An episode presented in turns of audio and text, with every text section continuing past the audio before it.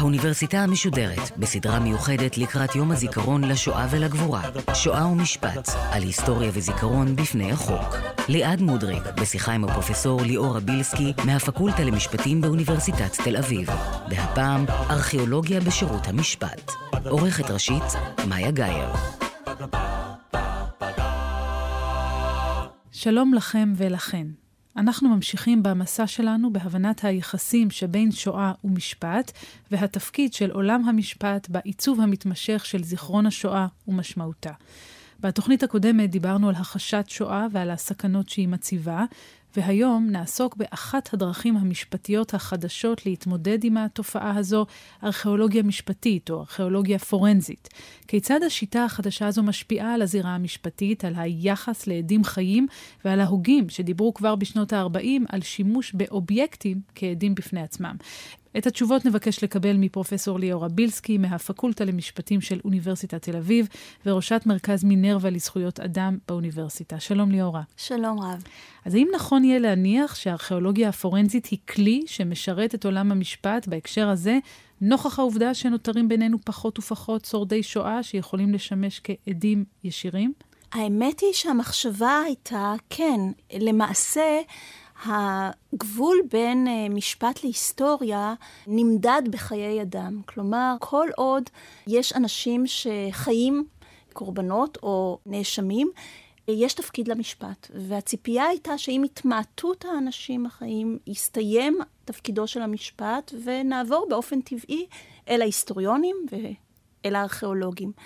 אבל למעשה, בפרקים הקודמים כבר ראינו, למעשה המשפט מוצא דרכים שונות להמשיך את העיסוק שלו בשואה גם מעבר לאנשים החיים. ראינו לדוגמה את התביעות נגד תאגידים, שזו ישות משפטית נמשכת מעבר לחיי אדם. ראינו את התביעות של יצירות אומנות, שגם הן נשארות. והיום אנחנו עוברים אל החפצים, אל חפצי היום-יום. ואנחנו רואים שעם התמעטות העדים החיים, יש נטייה אצל מוזיאונים, כמו יד ושם, להתחיל לאסוף את החפצים כדי שינכיחו לנו את הזיכרון. והתחום הידע שמתפתח הוא באמת הארכיאולוגיה המשפטית או הארכיאולוגיה הפורנזית. אז מהי למעשה? במה מדובר? יש לנו תמיד חקירות פורנזיות במשפט, כאשר אדם מת, אין לנו עדים, מחפשים ראיות אובייקטיביות בזירת הפשע, כן? ולשם כך יש רופאים ומומחים אחרים. החקירה של רצח המוני ושל פשעי השואה דורשת לא רק חיפוש גופה אחת, הקורפוס דליקטי, אלא הבנה של מרחב של אה, מחנה השמדה, קונטקסט יותר רחב, ומי המומחים שבאופן מסורתי אחראים לחפירות מן הסוג הזה, הם ארכיאולוגים. שיש להם את הכלים, הטכנולוגיות והידע לעשות אה, חפירות בסדר גודל נרחב כזה. הארכיאולוגיה הפורנזית או המשפטית מתפתחת לא בהקשר לשואה, אלא היא מתפתחת דווקא בשנות התשעים סביב פשעים של משטרים שהעלימו אנשים, קברו אותם בקברים המוניים ושוב הכחישו את מה שעשו. ואז מתחיל להתפתח שדה מחקר משולב, בין-תחומי, של היסטוריונים, ארכיאולוגים ומשפטנים שחופרים את שדות המוות, את הקברים ההמוניים, ומנסים לגלות את השרידים. יש גם טכנולוגיות חדשות של DNA שמאפשרות לזהות את העצמות, שם זה מתפתח. בהמשך, לוקחים את הטכנולוגיות האלה, את התחום הזה, ומתחילים להעביר את זה לשואה, למחנות, הזכרתי את הכחשת השואה של סוביבור, טרבלינקה, מתחילים להביא ארכיאולוגים פורנזיים אל המחנות וגם אל בורות ההריגה. ואני מתארת לעצמי שעל אף שהשיטה הזו לא פותחה בשביל משפט השואה, היא משחקת שם תפקיד משמעותי. אז אה, כן, לדוגמה, יצא השנה ספר מרתק של אה, ונדי לואר, שכולו עוסק בצילום שהגיע לידיה של משפחה שעומדת במריופול, על אה, בור הריגה, ובעצם רצח של משפחה בזמן אמת על ידי אנשים במדים, אוקראינים וגרמנים, אס אס. וההיסטוריונית הזאת ביקשה לגלות את כל מה שאפשר בעקבות הצילום הזה. מי היו האנשים האלה, איפה זה קרה, איך זה קרה, והיא מגייסת צוות של באמת ארכיאולוגים פורנזיים, שהולכים למריופול, שחופרים ומוצאים את השרידים. בארץ אנחנו יודעים על הארכיאולוג יורם חימי, שחופר את uh, סוביבור בחיפוש אחר תאי הגזים. יש ארכיאולוגית מאוד ידועה, קרולין סטרדי קולס, שחופרת במשך עשר שנים את טרבלינקה בין 2008 ל-2018. כאתר חפירה ארכיאולוגי. אבל אני יכולה להבין איך זה מאוד משמעותי מבחינה היסטורית, מבחינה מחקרית, אבל איך זה מתחבר לתחום המשפט? אז כפי שאני אמרתי, עולם המשפט מייצר את התחום הזה מלכתחילה. לגבי ארגנטינה ומקומות אחרים, אבל יש גם בחקירה הזאת אפשרות, א', להוכיח סוף סוף באופן אובייקטיבי, כן?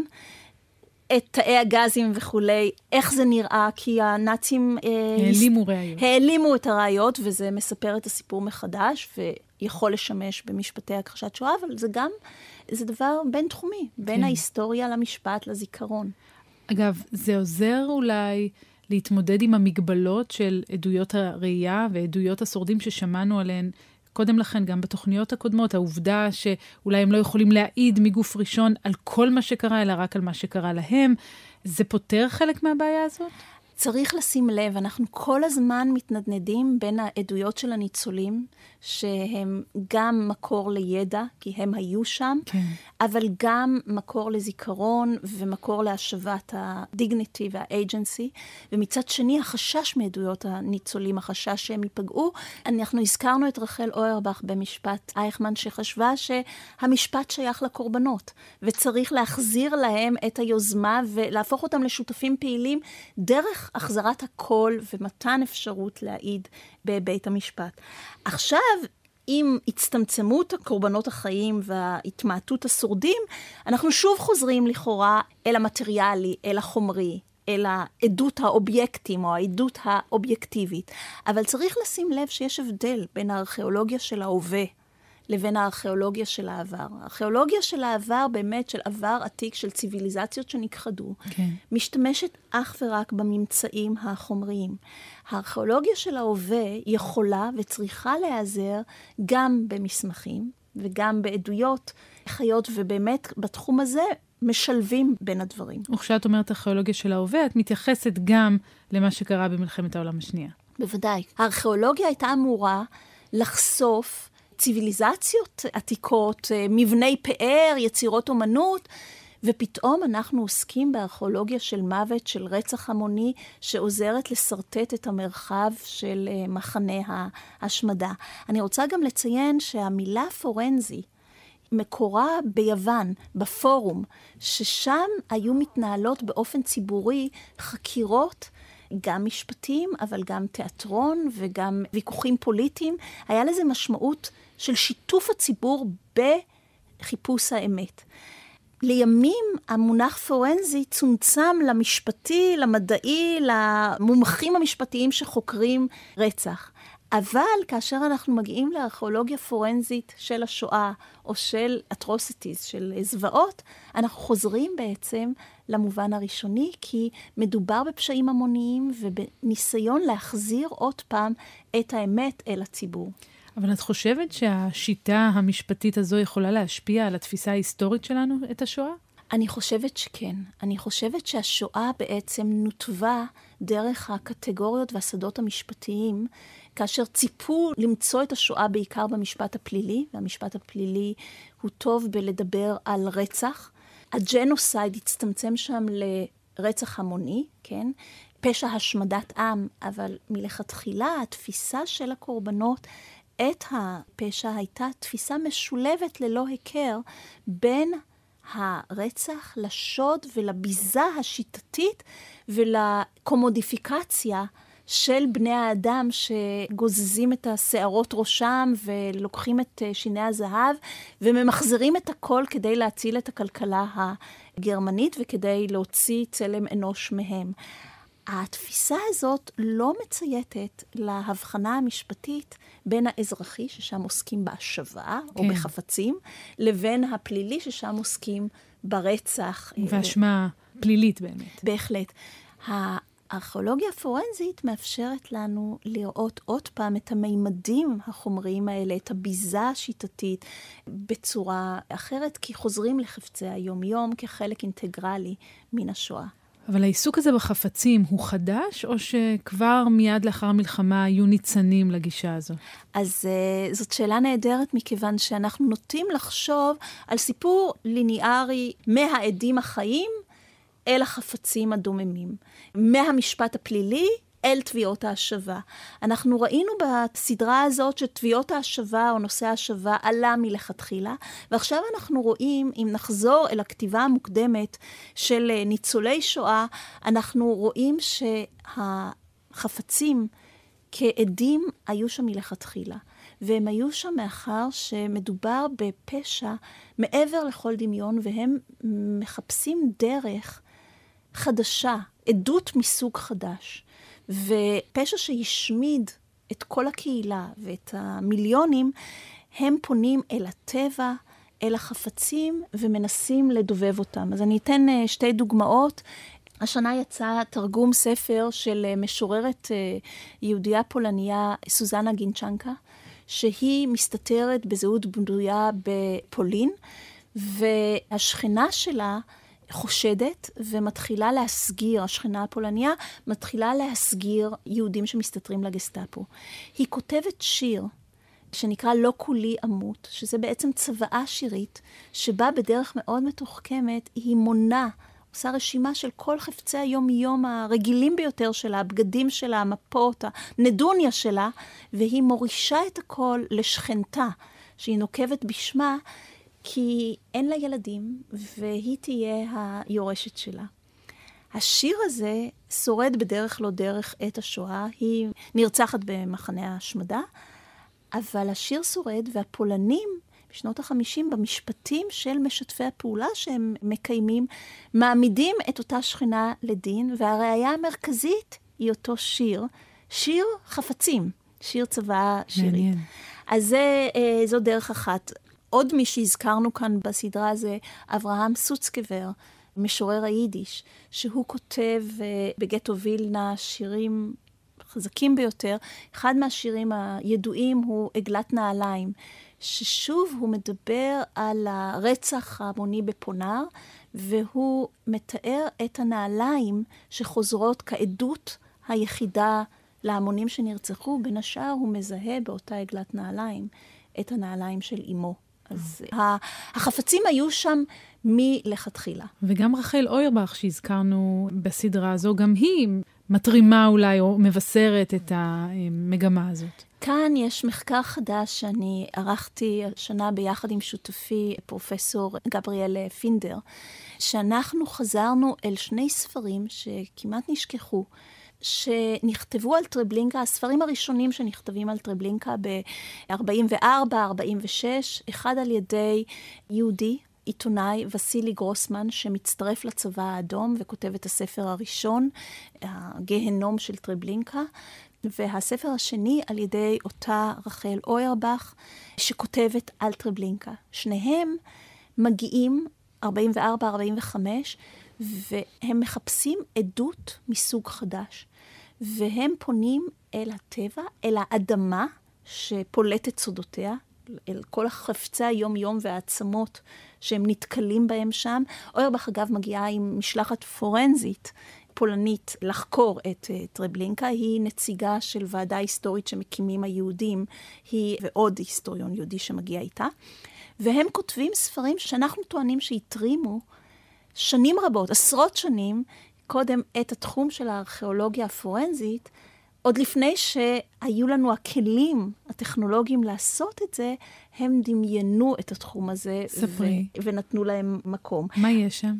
אז קודם כל אפשר להסתכל על הספר של וסילי גרוסמן, שהוא נתקל בקושי גדול בכלל לדבר עם עדים יהודים, ומה שהוא עושה, הוא פונה אל האדמה כעדה, כעדה מוסרית. אם את זוכרת, דיברנו על הניסיון במשפט אייכמן להפוך את ניצולי השואה לעדים מוסריים. כאן הוא פונה אל האדמה, כי חלק חשוב ממה שעשו הנאצים היה תפיסת עולם אקולוגית חדשה שמבטיחה מרחב מחיה לגרמנים ומצמצמת את היהודים למרחבים של גטאות עד להשמדה. ווסילי גרוסמן מודע היטב לאנשים הרגילים שהשתתפו בפשע ולמשתפי הפעולה, והוא מנגיד אותם לאדמה. שהוא מגיע לאדמות טרבלינקה והוא רואה את העצמות שיוצאות אחרי שקברו אותם וקדשו אותם וגרסו אותם, יש עדיין עצמות ויש המון כלי אוכל וכלים יומיומיים, והוא אומר, המון חפצים, איפה האנשים? והוא טוען שהאדמה שפולטת סודותיה, היא בעצם עדה מוסרית לשואה, במובן הזה שהיא מסרבת לשתף פעולה עם הנאצים. בכך הוא מקדים תפיסות אקולוגיות לאדמה שמתפתחות שנים מאוחר יותר. אוירבך, גם היא מגיעה לטרבלינקה והיא רואה שם לא רק חפצים ועצמות שנשארו במקרה במקום, אלא היא רואה חבורות של אנשים שמגיעים גם ממשטרה מקומית ומפוצצים את האדמה בטרבלינקה, האדמה נראית בעיניה כאדמה פצועה, בחיפוש אחר שיני זהב. כי כאמור, הספר שהיא כותבת מנסה להנכיח לא רק את זה שנשארו חפצים כי אנשים מתו שם, המונים, מאות אלפים מתו בטרבלינקה, אלא שמדובר היה בביזה שיטתית, לא של יצירות אומנות, של חפצי היום-יום, והיא כן. מגלה את הערימות האלה, אבל חלק מהביזה הייתה גם דה-הומניזציה שמגייסים את האסירים היהודים כדי למיין, והם יושבים, אחד מהאסירים שהעיד אגב בנירנברג, שמואל רייזמן, מספר שהוא ישב שישה חודשים ורק מיין משקפיים, או עטים נובעים. והעדים היהודים שאוירבך מגיעה אליהם, העדים היהודים, האסירים היהודים, חלק מההתנגדות שלהם בטרבלינקה, לא רק שהם מורדים בסופו של דבר, אלא שהם מתעדים את הרכבות ואת המטענים שיוצאים מטרבלינקה, מתוך הבנה שזאת העדות הטובה ביותר לרצח שהתרחש שם. המשלחת הפולנית, המשלחת הפורנזית, הסתפקה במציאת מטבעות מכל אירופה ותעודות אה, יהודיות כדי לומר שהיה כאן רצח המוני של יהודים, ג'נוסייד, כן? מכל אירופה. אבל גם גרוסמן ועוד יותר ממנו אוירבך, למרות שהם מתרימים את התחום המדעי הזה של ארכיאולוגיה משפטית, הם גם מאוד uh, מהססים לגביו. באיזה מכיו... מובן? מכיוון שאוירבך כותבת על כך שהנאצים גייסו את המדענים. הם הפכו את ההשמדה לעניין מדעי. איך לעשות אותה יותר יעילה, איך להשמיד יותר. והיא מאוד חוששת שהפנייה בחזרה אל המדענים הפורנזיים תמחק שוב את הקולות ואת התפיסות של הקורבנות היהודים. אני רוצה להביא קטע קצר מהספר שהיא כותבת, שמעמיד אה, בסימן שאלה את הגישה של השופט הפולני לגבי העצמות. והיא כותבת בקטע הזה על חמשת אסירי טרבלינקה לשעבר, ניצולי טרבלינקה שהצטרפו לוועדת החקירה. והיא כותבת, הטרבלינקאים, כך היא קוראת להם, רצים לכאן ולכאן. הם יודעים, הם מראים, הם מתווכחים ביניהם. הנה הם טועים, והנה הם שוב מכירים את המקומות. הביטו, הנה שם, על שפת הבור ההוא, אומר השופט. שם מונח שלד מרגלו של ילד. אחד הטריבלינקאים רץ לשם. שים לב, מזהירו חברו, על הרגל מצוי עוד נתח של בשר. אך זה שגחן והרימה, אורזה בעיתון במין הבעה המזכירה יהודי אדוק, האורז את האתרוג. הוא עוטף אותה בשולי מעילו, שם אותה בכיס שעל חזהו ולוחצה אל ליבו. אפשר, זוהי רגלו של ילדי, שהבאתיו לכאן, משיב.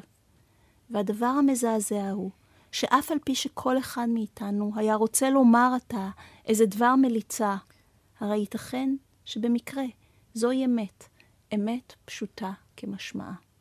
הקטע המזעזע ממש. הזה מנסה להחזיר את התפיסה היהודית לתוך כל החקירות האלה, והיא אומרת, אולי התפיסה דווקא הדתית, שמסרבת להתחיל לזהות כל עצם, ושמזדהה עם כל העצמות כעצם של ילדי שעוטף אותו כמו אתרוג יקר, זו העמדה הנכונה לפשע קולקטיבי. היא מעלה ספקות לגבי גישות של זיהוי אינדיבידואלי, והיא גם מעלה ספק לגבי האפשרות למצוא את האמת וכל האמת. והקטע הזה שכותבת הוא תחת הכותרת, תמיד ישרור ערפל מעל מקום זה. והיא מדברת על ערפל משונה שמלווה את ועדת החקירה בבואם לטרבלינקה. והיא מנסה להחזיר את התפיסה הזאת של ענווה בפני פשע בסדר גודל כזה, שאולי אנחנו תמיד נמשיך וננסה למצוא את האמת, אבל צריך לזכור שתמיד ילווה אותנו גם הערפל. טוב, זה כמובן, אה, אלה דברים מטלטלים, אבל הגישה הבסיסית היא שלחפצים יש איזושהי קדימות בחיפוש שלנו הזה אחרי האמת? החפצים הם עדים אובייקטיביים, והם יכולים uh, להנכיח את הביזה, להנכיח את השוד, את הרצח. לכן המשלחת הפורנזית חיפשה אותם. העדים היהודים, בזמנו כשהם עוד היו, יכולים להיות uh, נחשבים כמשקרים, כבעלי עניין, ולכן חפצים תמיד יש להם עדיפות במדע. במשפט עדיין תמיד יש מקום של כבוד לעדויות, אבל ראינו כמה זה מסובך לגבי עדויות ניצולי שואה. אני רק אומר שהמשפט יודע ליצור קטגוריה מיוחדת של השבה לגבי יצירות אומנות, או לגבי השבה של בתים, נכסים, אבל לגבי חפצי היומיום אין לו כל כך קטגוריה משפטית. אולי ירושה, אבל מדובר כאן ברכוש עצום, כן. חסר יורשים. ולכן גם אוירבך וגם גרוסמן מנסים לשלב את החפצים בתוך הבנת הרצח, ולהבין שזה לא רצח רגיל. החפצים הם מעידים על מהות של פשע חדש שהגיע לעולם. ועד כמה הרעיונות האלה הראשוניים של גרוסמן ושל אוירבך היום באמת הם אלה שבאים לידי ביטוי? המפנה הארכיאולוגי הפורנזי שהם דמיינו אותו, הוא היום שולט ברמה. זו הדרך שבה חופרים עשר שנים את טרבלינקה, ומאמרים שקראתי של ארכיאולוגים ממש מזכירים את התפיסה שאוירבך ניסתה לקדם, וזו תפיסה ששימוש בחפצים כדי לכתוב היסטוריה חברתית.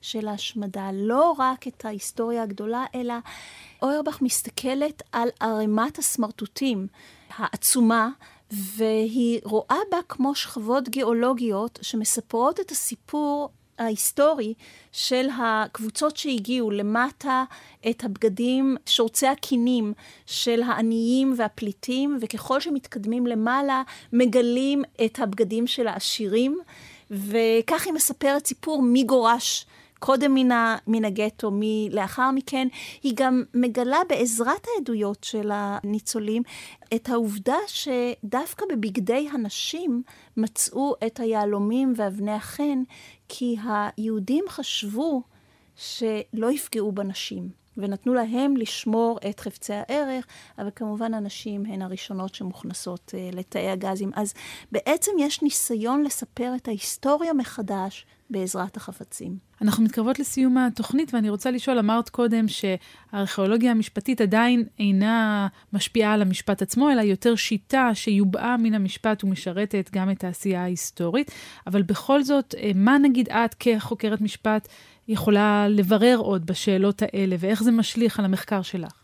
צריך לשים לב שיש אה, יחסי גומלין בין אה, משפט השואה לבין המשפט הבינלאומי הפלילי, פשעים אחרים. אנחנו דיברנו על זה שהמשפט, אה, בניגוד להיסטוריה, לא אוהב תזות של ייחודיות, ובאמת הארכיאולוגיה הפורנזית במקרה הזה התפתחה לגבי פשעים המוניים אחרים, והיום זהו תחום אה, חשוב ביותר למשפטים שמתנהלים בהאג, בבית הדין הפלילי הקבוע, לגבי פשעי זוועות אחרים, כן. קברי המונים אחרים, שעדיין, לצערי הרב, נעשים. צריך לראות שהשואה גם השפיעה, או משפיעה על מאבקים אחרים. ראינו את המאבק היהודי המוקדם להשבת הספרים, והמאבק היהודי המאוחר סביב יצירות האומנות, שיצר את עקרונות וושינגטון, שפיתחו תפיסה שמתגברת על המשפט, תפיסה אתית שמבקשת ממוזיאונים לעשות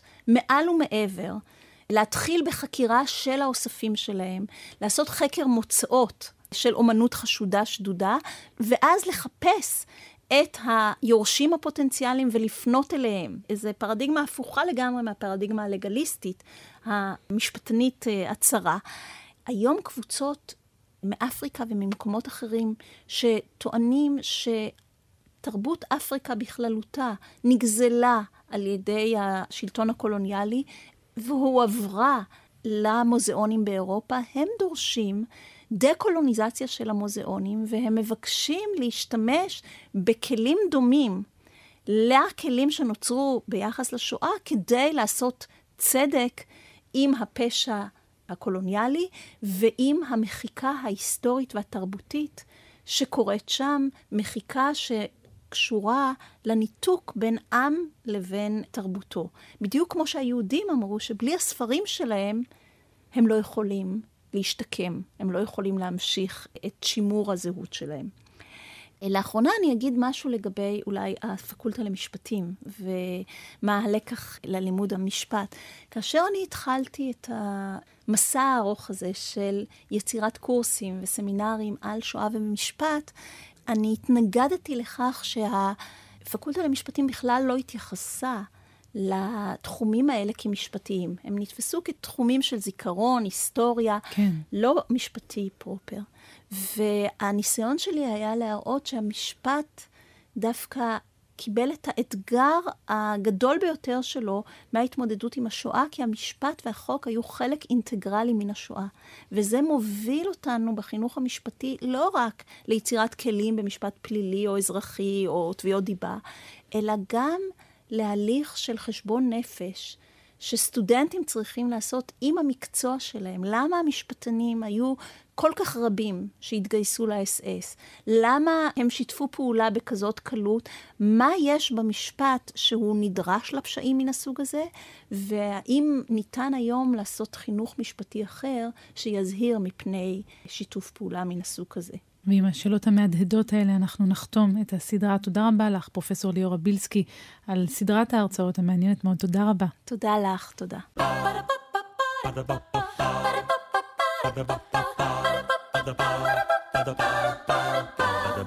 האוניברסיטה המשודרת בסדרה מיוחדת, שואה ומשפט, על היסטוריה וזיכרון בפני החוק. ליעד מודריק שוחחה עם הפרופסור ליאורה בילסקי מהפקולטה למשפטים באוניברסיטת תל אביב על ארכיאולוגיה בשירות המשפט. עורכת ראשית, מאיה גאייר. עורך ומפיק, יותם פוגל. ביצוע טכני, בן רוטשטיין. האוניברסיטה המשודרת, בכל זמן שתרצו, באתר וביישומון גלי צה"ל, ובכל מקום בו אתם מאזינים להסכתים שלכם.